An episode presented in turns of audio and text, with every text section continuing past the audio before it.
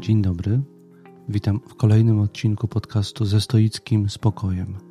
Tematem dzisiejszego odcinka jest wojna. Wojna, która rozpętała się za wschodnią granicą naszego kraju. Chciałbym zaproponować różne sposoby oswojenia czy przyswojenia tego doświadczenia. Będę to robił przede wszystkim od strony filozoficznej i stoickiej. Zapraszam do wysłuchania dzisiejszego odcinka.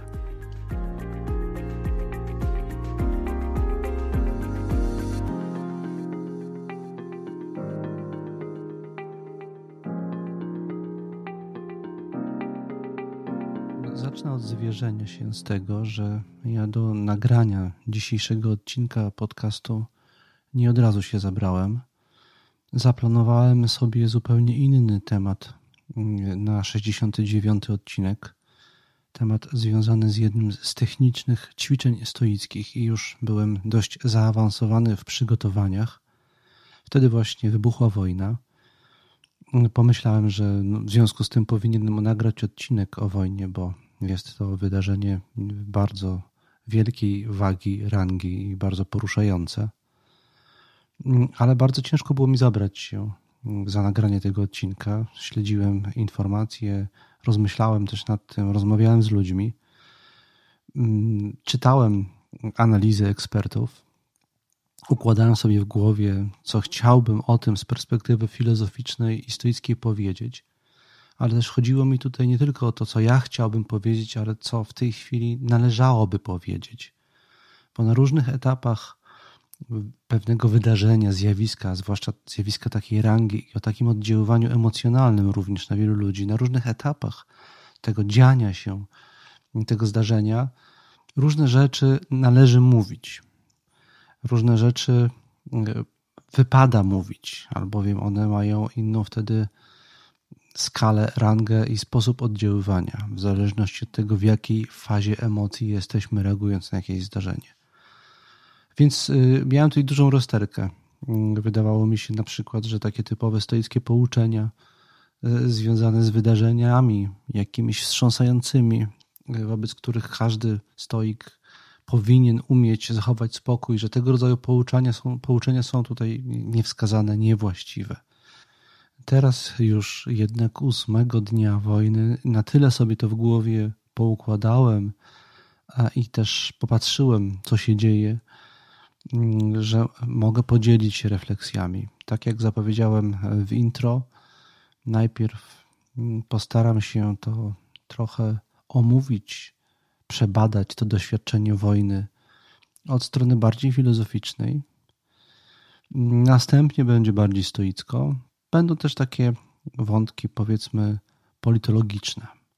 Taki jest plan dzisiejszego odcinka i do realizacji tego planu niniejszym przystępuję.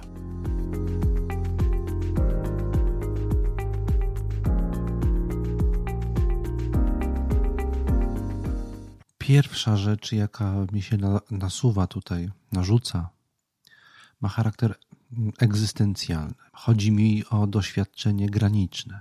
Otóż wojna w swej istocie i przebiegu spełnia warunek doświadczenia granicznego, tego, o którym pisał innymi Karl Jaspers. Do istoty doświadczenia granicznego, tak jak ja je rozumiem, należy, że ona należy to, że ono nas konfrontuje. Konfrontuje nas z bardzo skrajnymi stanami poznawczymi i emocjonalnymi. Jeżeli chodzi o stany poznawcze, to ona nas konfrontuje z poznawczym zagubieniem i dysonansem, albowiem to, jaki nam świat do tej pory się jawił, ulega radykalnemu przekształceniu i czujemy się w tym nowym obrazie świata całkowicie zagubieni w pierwszym odruchu doświadczenia tej nowej rzeczywistości. E, jednakże z drugiej strony do istoty doświadczenia granicznego należy, że o ile z jednej strony doznajemy zagubienia poznawczego, tyle z drugiej strony zawiera ono w sobie to doświadczenie możliwość fundamentalnego wglądu w jakieś prawdy dotyczące natury świata i człowieka. A więc widzimy, że od tych dwóch poznawczych dwóch różnych poznawczych stron można ujmować doświadczenie wojny. Jeżeli natomiast chodzi o aspekt emocjonalny tego doświadczenia granicznego, to widzimy to bardzo wyraźnie wszędzie dookoła. Objawia się to w strachu i różnych jego odmianach oraz cierpieniu i różnych tego odmianach. Boimy się więc, że wojna w ten czy inny sposób nas dosięgnie, że pozbawi życia nas bądź naszych bliskich, że pozbawi nas, nas naszego dobytku. Cierpimy natomiast i smucimy się z powodu tych, których ona już w ten sposób dotknęła i cały czas dotyka. Na co dzień w wiadomościach telewizyjnych i w internecie pokazywane są nam straszliwe, drastyczne głęboko bolesne sceny, które każdego normalnie odczuwającego świat człowieka muszą dotykać do żywego. To, co tam się dzieje, jest po prostu straszne. Innych słów na to nie można użyć. Chociaż z drugiej strony jest też tak, że na co dzień nauczyliśmy się tak bardzo przymiotników emocjonalnych nadużywać, że właściwie wobec tego, czego teraz doświadczamy, po prostu brakuje nam słów. Ale ten emocjonalny aspekt doświadczenia granicznego, aspekt, o którym teraz mówię, ma także, podobnie jak wcześniej omawiany przeze mnie, aspekt poznawczy, drugą, nieco bardziej pozytywną stronę. Otóż to doświadczenie może mieć charakter formatywny. W przeżyciach granicznych zyskujemy kontakt z wymiarami naszej egzystencji, które na co dzień nie są nam jawne. Dokopujemy się do pewnych fundamentów samych siebie, na których następnie możemy się oprzeć, albowiem widzimy w nich podstawę tego, kim jesteśmy. W obliczu doświadczenia granicznego wielu ludzi zaczyna mówić o tym, co jest ważne, zaczyna się odwoływać do pryncypiów, i to też naokoło widzimy. Na przykład y, to płynie bardzo często z ust walczących Ukraińców. I te pryncypia trafiają dookoła do ludzi na bardzo podatny emocjonalnie grunt. Oni też zaczynają myśleć o nich, mówić, i te pryncypia, po które sięgamy w potrzebie, potem, kiedy ta potrzeba minie, one mogą z nami zostać. A więc doświadczenie graniczne, jakkolwiek jest straszne, to z drugiej strony daje człowiekowi możliwość ukorzenienia się w tym, co ważne. I tej możliwości nie można w takich okolicznościach zaprzepaszczyć, zaprzepaścić, bo to jest być może jedyna pozytywna strona tego doświadczenia.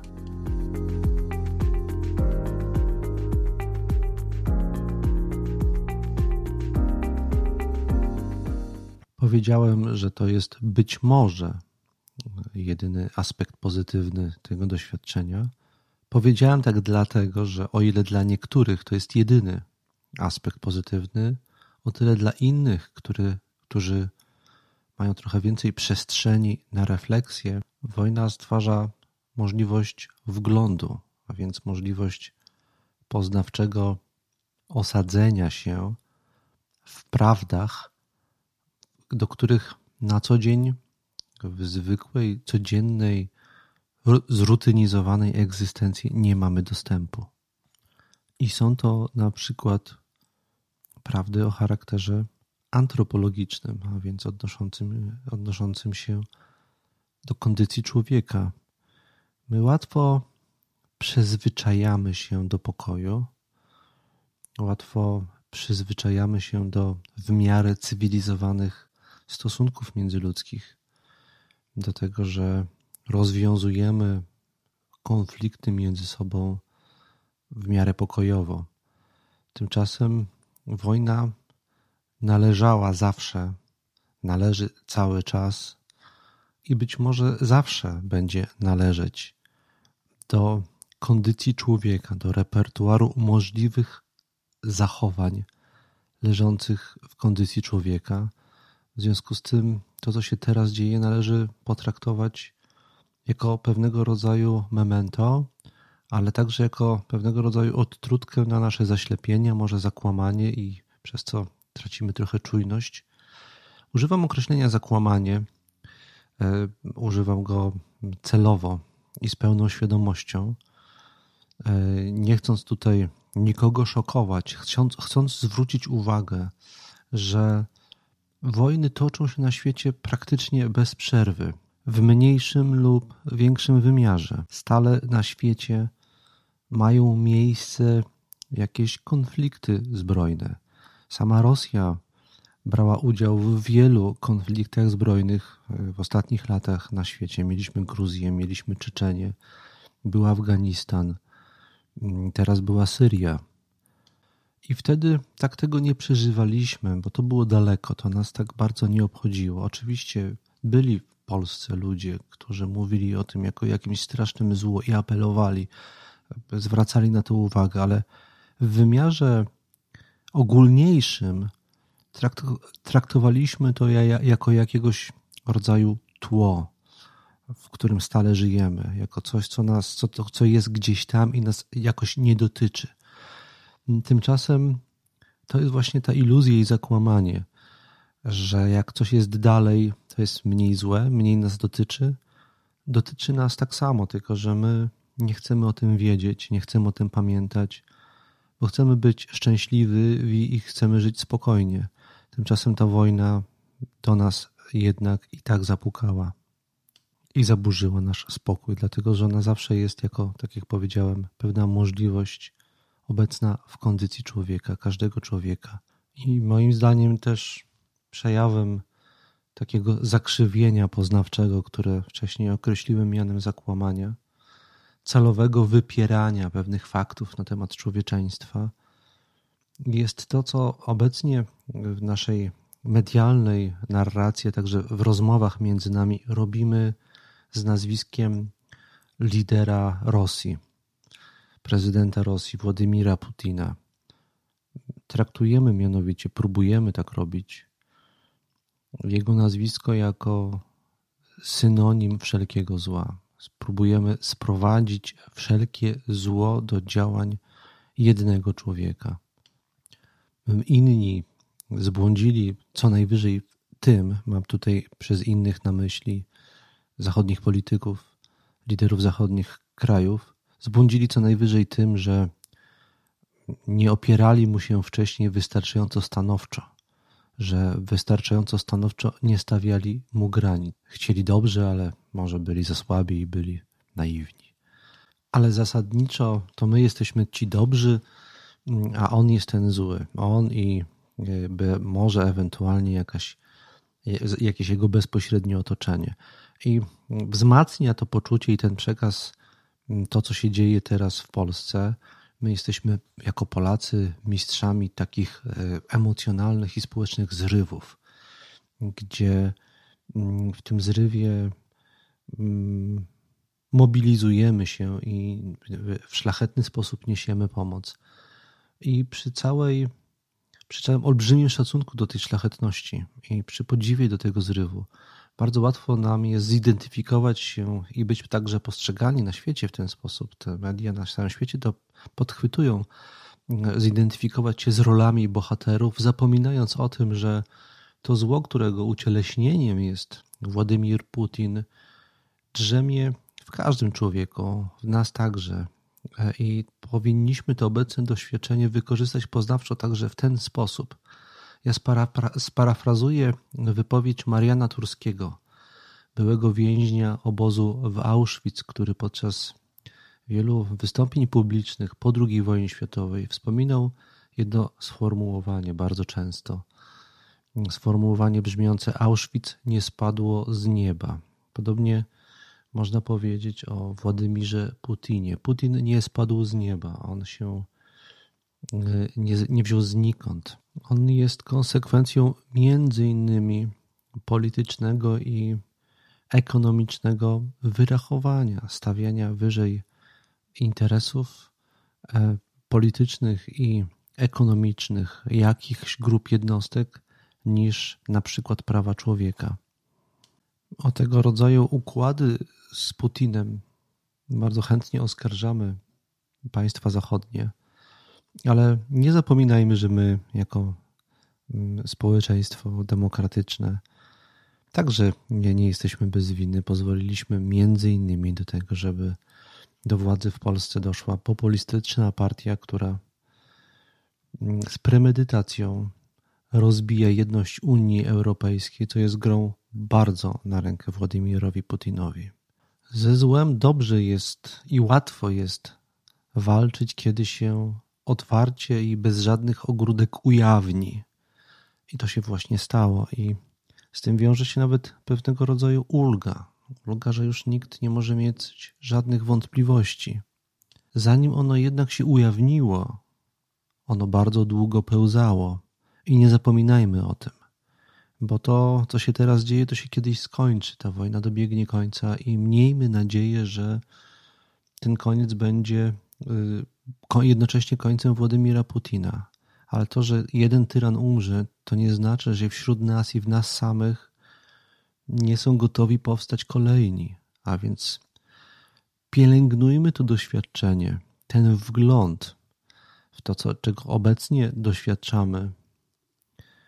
I tak pielęgnujmy, żeby o tym pamiętać, że stawiać granice jest obowiązkiem każdego człowieka w każdej chwili. Rozpoznawać zło pełzające jest naszym obowiązkiem moralnym wobec przyszłości w każdej chwili, bo zanim się spostrzeżemy, to otaczające nas zło pełzające, te nikczemne sojusze, jakie na co dzień z e, przejawami zła zawieramy, znowu przyjmie postać jakiegoś zatrważającego zła jawnego, które stanie u próg naszego domu.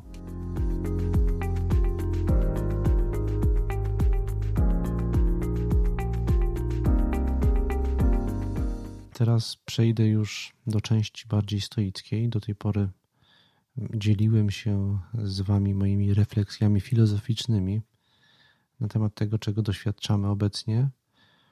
A teraz spróbuję ująć temat od strony bardziej stoickiej. Przyznam, że na przestrzeni kilku ostatnich dni spłynęły do mnie różne zapytania o stoicki stosunek do wojny, między innymi, i w ogóle o to, jak radziłby stoik postępować, zachować się i doświadczać świata w obecnej sytuacji. Zacznę od wykładni stoickiej koncepcji wojny. Wszyscy wiemy, że na przykład Marek Aureliusz nieustannie właściwie prowadził wojny. Można powiedzieć, że trochę usprawiedliwiał go kontekst bycia cesarzem, którego obowiązkiem było stanie na straży cesarstwa, jednak jego postawa w stosunku do wojny, do roli wojny w świecie może być interpretowana jako cokolwiek niejednoznaczna. Wmyślając się w istotę stoickiej doktryny, wniosek z niej wyciągnąć można tylko jeden, że stoicy byli nastawieni kosmopolitycznie i pacyfistycznie. Wojna nie jest dobrym rozwiązaniem konfliktu, jedynie sensownym, sensowną okolicznością na wejście w stan wojny z kimkolwiek jest obrona granic w sytuacji, kiedy są one przez kogoś naruszane. Ale ja bym chciał ująć temat od trochę innej strony. W tym celu chciałbym podzielić się pewnym wspomnieniem czy doświadczeniem. Od tego zacznę. Ja zajmuję się, jak wiecie, stoicyzmem już od bardzo wielu lat. Jedno z moich najwcześniejszych doświadczeń ze stoicyzmem miało miejsce w roku 1993. Ja wtedy byłem młodym filozofem, początkującym filozofem, który fascynował się wieloma doktrynami filozoficznymi, ale jedną z doktryn filozoficznych był stoicyzm. Stoików znałem z tekstów Seneki i mm, Epikteta wtedy, i byłem zachwycony przede wszystkim stoickim heroizmem, pewną wizją możliwej niezłomności człowieka w obliczu najbardziej skrajnych nawet przeciwności losu. Mnie bardzo tego rodzaju postawa imponowała i ja jej stoikom zazdrościłem. Myślałem o tym, że pięknie byłoby samemu sobie taką heroiczną postawę wobec różnych życiowych sytuacji wypracować, że z tego płynie z jednej strony mm, pewnego rodzaju bezpieczeństwo, bo to daje gwarancję bezpieczeństwa, że nic nas nie zaskoczy i nie złamie, a z drugiej strony jest w tym dużo dumy, że ja potrafię dochować wierności różnym sprawom, pomimo wszelkiego rodzaju straszakom, jakie rzeczywistość ze sobą niesie. To mnie wtedy bardzo fascynowało. W tym czasie także chodziłem na seminarium do profesor Dębińskiej, wybitnej znawczyni filozofii starożytnej. To było seminarium poświęcone filozofii stoickiej. To było moje pierwsze seminarium poświęcone filozofii stoickiej. Tam między innymi jako lekturę czytaliśmy mm, wielkie, monumentalne dzieło Johna Rista, poświęcone właśnie filozofii stoickiej. Po dziś dzień ten tekst nie został na język polski przetłumaczony. W jednym z rozdziałów John Rist analizuje paradoks stoicki, paradoks stoickiej filozofii, dość znany paradoks. W myśl tego stanowiska, które tutaj chcę e, bliżej przy, przedstawić, wszystkie czyny złe, wszelkie zło jest sobie zawsze równe. Człowiek może być albo dobry, albo zły. Jak jest zły, to jest w całości zły. Innymi słowy, i dobro, i zło są stanami niestopniowalnymi. Nie można być trochę dobry. Mm, tak samo jak stoicy mówili często, kij nie może być trochę prosty. Albo y, nie trzeba się, nie trzeba być 5 metrów pod wodą, żeby się utopić. Wystarczy, że będziesz centymetr pod wodą, to też się utopisz. Tego rodzaju metafor stoicy używali, żeby wyjaśnić o co im chodzi. I to oczywiście było stanowisko w pierwszym odbiorze, tak mi się wydawało, kontrowersyjne.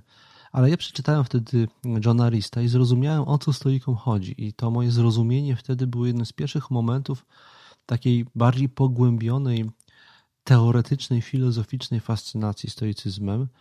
I pamiętam, że wtedy ja na seminarium miałem przedstawić w postaci referatu moją wykładnię tego stoickiego paradoksu i użyłem śmiałej metafory, którą pani profesor Dębińska e, wtedy bardzo dobrze przyjęła i mnie za nią pochwaliła.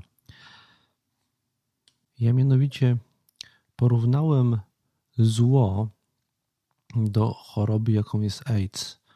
E, chodzi tutaj o syndrom e, braku odporności na zachorowania.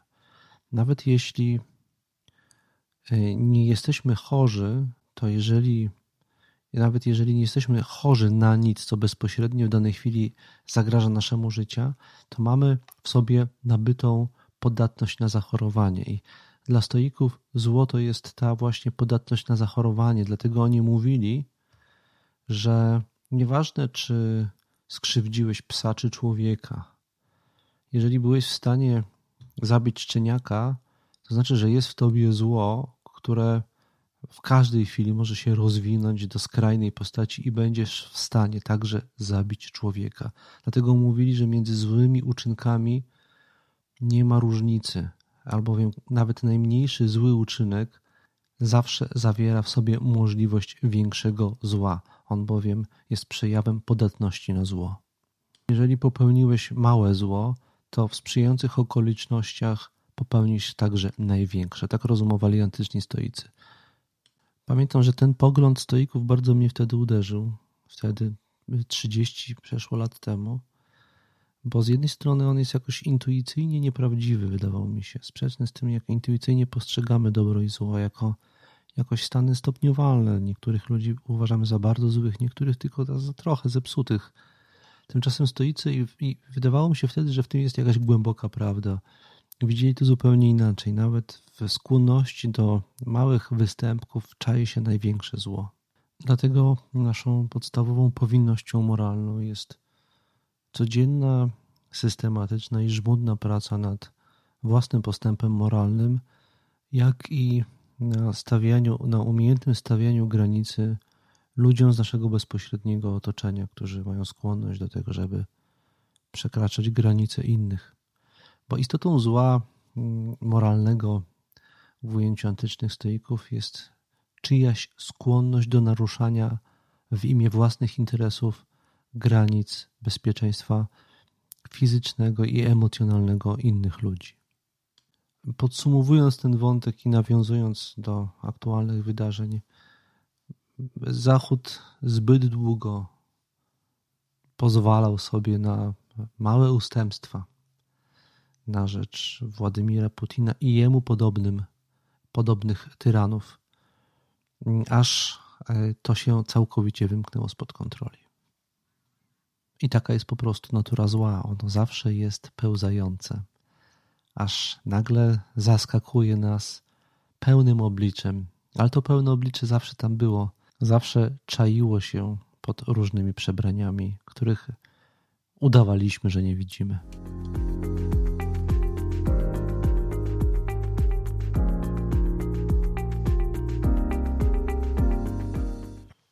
Podsumowując dotychczasowe wątki, podsumowując je stoicko, chyba najchętniej powiedziałbym, że z punktu widzenia mm, ortodoksyjnego stoicyzmu wojna zaczyna się wtedy, kiedy człowiek decyduje się popełnić zły uczynek w stosunku do drugiego człowieka.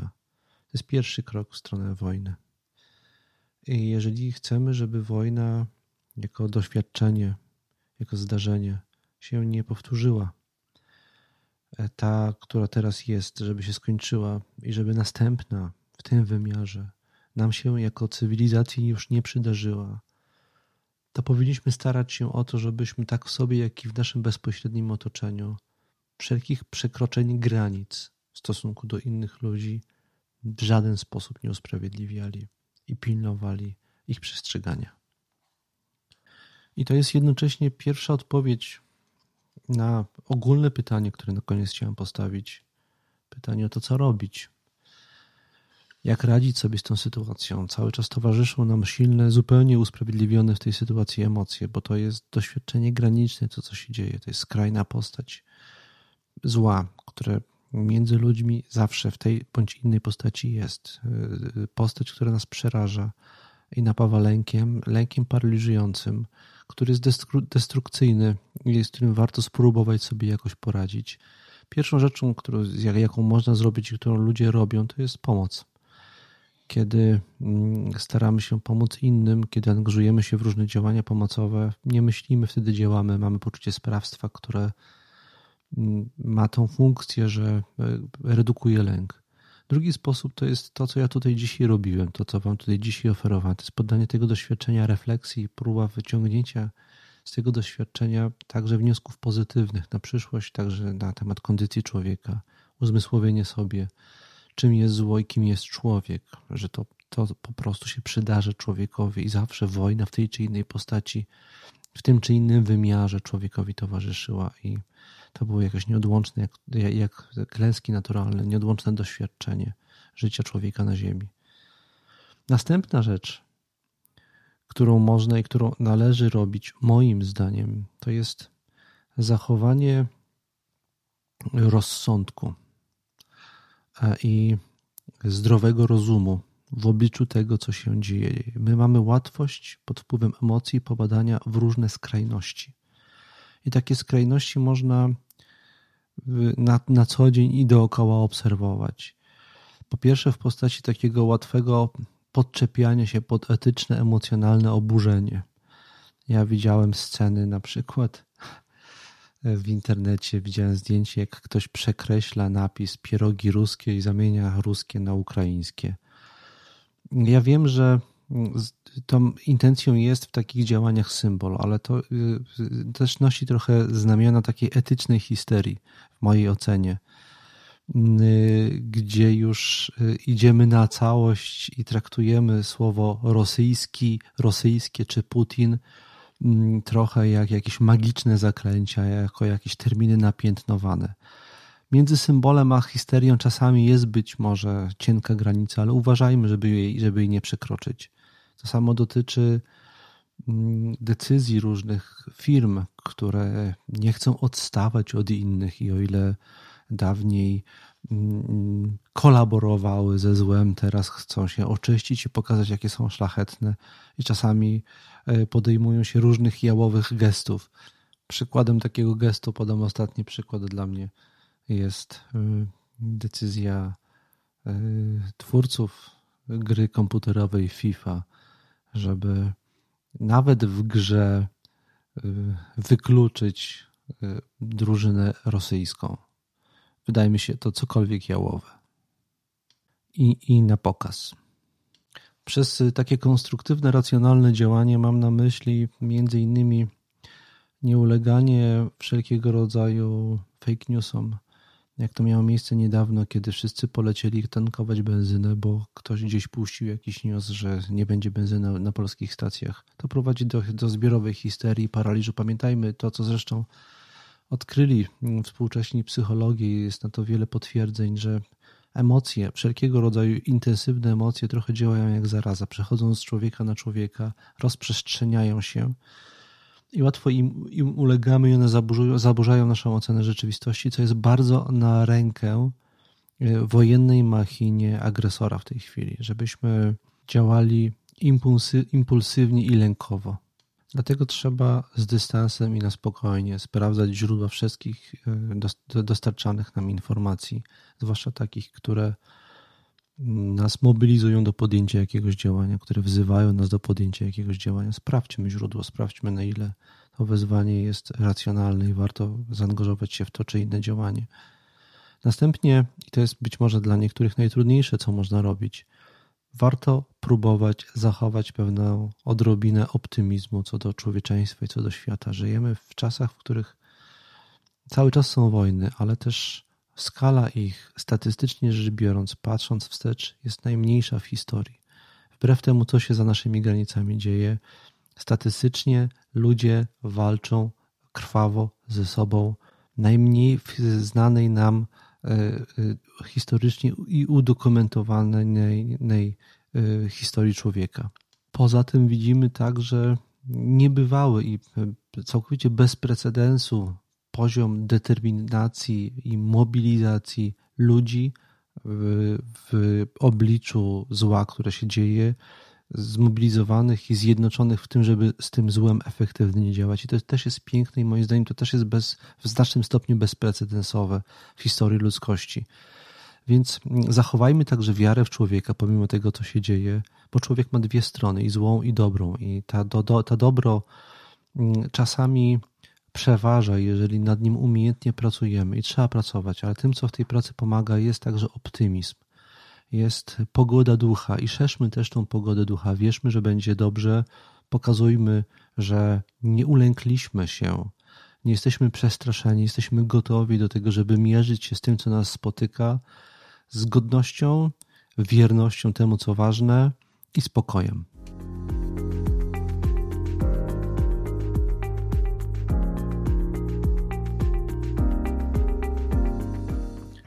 Życzę Wam, y, moi drodzy słuchacze, żeby to przedsięwzięcie zachowania pogody ducha, hartu ducha, spokoju, dystansu, rozsądku, żeby to Wam się w tych czasach trudnych, w jakich żyjemy, udało.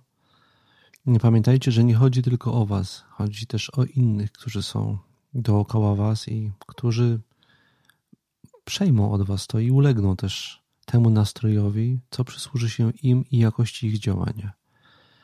Więc jeżeli nie macie nic innego do zrobienia akurat, to możecie to właśnie zrobić. To też może być już dużo.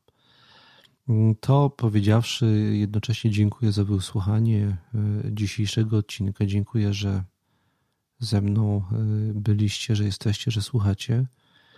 Y, chciałem także podziękować patronom, którzy wspierają produkcję tego podcastu za pośrednictwem platformy Patronite.